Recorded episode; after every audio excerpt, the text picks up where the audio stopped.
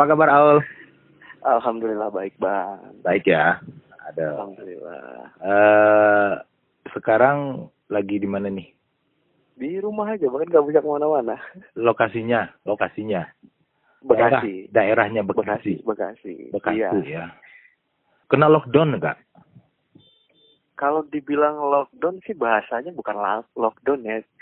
Ibaratnya kita cuma kayak diberikan peringatan, tapi sekarang peringatannya itu lebih tegas aja gitu. Mungkin pemerintah masih berhati-hati menggunakan kata lockdown karena kan pengertian lockdown sendiri kan luas sebenarnya gitu bang. Hmm, hmm, hmm. Hmm, makanya di sini eh, tingkat peringatannya dari awal yang cuma kayak semacam woro-woro aja, sekarang Uh-uh. lebih meningkat lagi. Tadinya kan cuma Hmm. selebaran-selebaran atau edaran-edaran wali kota. Kalau sekarang beneran kita jalan aja di pinggir-pinggiran kota, berkumpul-kumpul aja udah pasti dibubarin sekarang. Oh gitu ya. Ada petugas kepolisian dan satpol pp yang bertindak di lapangan. Udah udah ada aparat berarti ya yang. Udah ada aparat turun. sekarang yang turun bang. Udah kayak film-film kali ya? Iya. soalnya kan awalnya kan apa ya kayak masyarakat tuh kayak masih nganggap remeh gitu kan Ah, Ada oke. corona gitu Oke, nah ini di, mulai dari awalnya deh, awalnya. Awalnya kayak apa? Bisa cerita nggak awal-awalnya? awalnya nih awalnya Ah. tuh kayak ya COVID-19 tuh semacam virus gitu kan yang masuk ke Indonesia ya ah biasa aja karena orang Indonesia merasa imunitasnya tuh tinggi gitu kan Hmm. dikasih jajanan SD aja anak Bekasi kebal gitu yang Jajanan SD ya. iya yang yang isinya benar-benar zat kimia yang bawa penyakit yang lain-lain juga Heeh. gitu e- Ebola dan macam-macam ya kita kebal-kebal aja Heeh, heeh. asumsinya seperti itu gitu kan Hmm. Oke. asumsi seperti itu sampai akhirnya pun pemerintah mengeluarkan edaran Mm-mm. mengeluarkan edaran eh bahwasanya kita harus di rumah saja tapi tidak diindahkan gitu kan Mm-mm. dan bahkan ketika benar kita di Bekasi ini diliburkan sekalipun Bekasi sepi bukan karena kita di rumah gitu Tapi karena mereka malah mereka liburan gitu bang pergi liburan. ah benar pergi liburan Oke. mereka malah pergi liburan Hmm. Itu puncak rame Puncak rame isinya orang Bekasi gitu ya. iya orang Bekasi Jakarta gitu kan mereka malah liburan pantai-pantai malah rame Heeh. Sampai akhirnya sampai akhirnya bener-bener diviralkan lah yang namanya ODP sama PDP itu di sini Mm-mm. dikasih tahu lah data-datanya daerah-daerah mananya aja barulah di situ masyarakat bener ih beneran loh katanya. Baru baru nyadar gitu ya ternyata iya eh, yang selama ini dianggap remeh ternyata bahaya banget gitu kan. iya apalagi tentang video terakhir yang di KRL Heeh. KRL yang kereta dari Bogor kalau nggak salah yang pemberhentian Pondok Cina Heeh. ada satu kayaknya sih tidak positif sampai dia yang mengalami kejang-kejang sendirian gitu kan Hmm. kayak yang kita lihat-lihat di Wuhan Di gitu. di Wuhan di awal-awal ya. Ah, di awal-awal dan itu udah terjadi dan tersebarlah videonya di situ benar-benar masyarakat ih beneran loh gitu kan Baru ngeh gitu ya. baru enggak walaupun sampai hari ini pun yang menyepelekan tuh masih banyak Masih banyak ya. masih banyak sebenarnya Oke kan Ya, ada beberapa arahan, sorry, ada beberapa arahan-arahan nih baik dari pemerintah nih udah ada arahan. Eh, Iya. Untuk kalau untuk dari pemerintah berarti kan lebih ke apa? Lebih ke, aduh, suara motor nih. Gak enak nih kalau di, di podcast nih ntar nih. nama juga podcast dadakan nih Iya podcast, tapi biarlah ini kan ambience-nya gitu kan. iya bener ya. Ambience-nya itu di luar ruangan gitu. Iya. Nah, eh, arahan dari pemerintah kalau misalnya dari pemerintah kan pertama itu memindahkan eh, proses belajar mengajar anak sekolah dari institusi sekolah, institusi Hmm. pendidikan ke rumah. iya betul Ketika arahan itu keluar, itu nggak ditanggapi banget kan? Iya malah dipakai liburan Malah dipakai liburan gitu. ya orang Indonesia kan capnya ada libur panjang kan puncak Nah, puncaknya gitu. iya ya. Kalau di sini ke mana ya? Iya. Iya, padahal kan kayak kita diliburkan itu kan supaya untuk mencegah dan menghentikan penyebaran supaya kita tidak berkeliaran di luar-luaran gitu kan. Iya, Ini malah itu. malah hmm, malah gathering gitu. malah reuni gitu ya.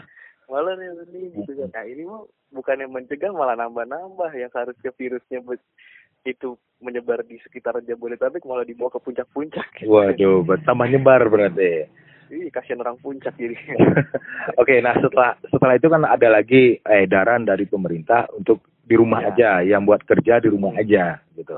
Nah setelah edaran itu keluar, eh, orang di sana kayak apa tanggapannya? Nah awalnya itu kan edaran itu kan cuma dari pemerintah pusat tuh bang. Hmm.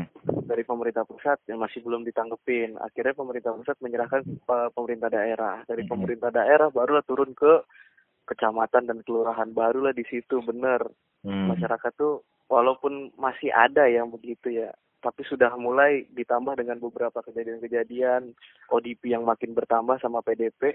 Hmm. Kayak di Jakarta sekarang kan udah lebih dari 80 kalau nggak salah. Hmm. Yang ODP dan PDP. Bahkan hampir lebih setengahnya itu ada di Bekasi gitu kan.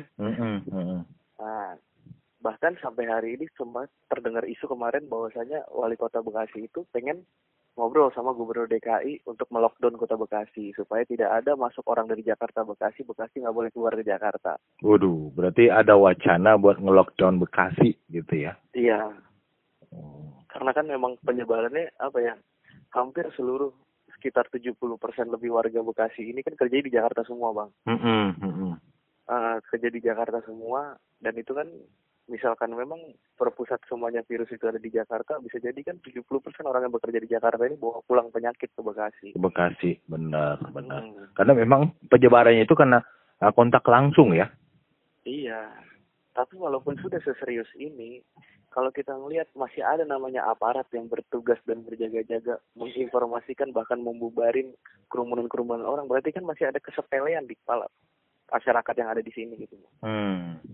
bahkan Ya. di Jakarta sendiri juga sama yang terjadi gitu ketika malam-malam kita bahkan jangankan nongkrong di pinggir jalan di kafe aja nih bang masih ada rame Hmm.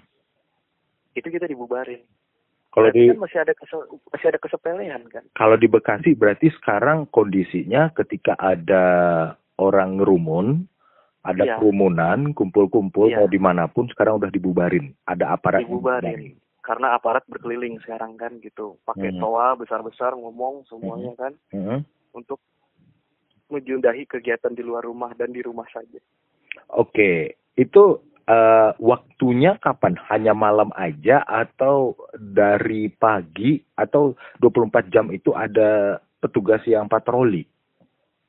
pagi siang sore malam tapi lebih terfokus malam karena anak-anak muda ini nongkrongnya kan malam Mm-mm. mereka itu kalau dikasih libur kan siang tidur rebahan Kaum rebahan ya. ya kalau rebahan itu malam mereka keluar nongkrong bahkan ya ibaratnya kita yang sama teman-teman ngurus satu kafe juga di sini udah kita tutup sampai akhir bulan kan Mm-mm, mm-mm. Ah di situ udah ada udah ada edaran belum artinya dari pemerintah buat pengusaha-pengusaha eh, resto, kafe, hotel, pokoknya yang eh, hiburan Sudah, lah sudah ada edaran buat Bios- tutup. bioskop bioskop aja nggak beroperasi sekarang Bioskop udah tutup. udah tutup tidak beroperasi sama sekali untuk restoran yang boleh beroperasi itu hanya pasar tradisional itu pun dengan jam-jam tertentu dan bahkan pedagang kaki lima yang di sekitar luar-luaran eh, pasar tradisional itu tidak boleh jualan jadi yang berfokus itu cuma di dalam aja Hmm. Eh, cuma cuma dua jam apa kalau nggak salah itu dari jam 6 sampai jam 9 atau jam 8 gitu Nah buat ojol gimana tuh? ojol masih bang Ojol masih. Masih ya karena mau gimana gitu kan. Hmm. bahkan sistem transportasi umum aja sekarang udah dibatasi. KRL yang beroperasi biasa dari jam 5 pagi sampai jam 11 malam sekarang cuma sampai dari jam 6 pagi sampai jam 8 malam.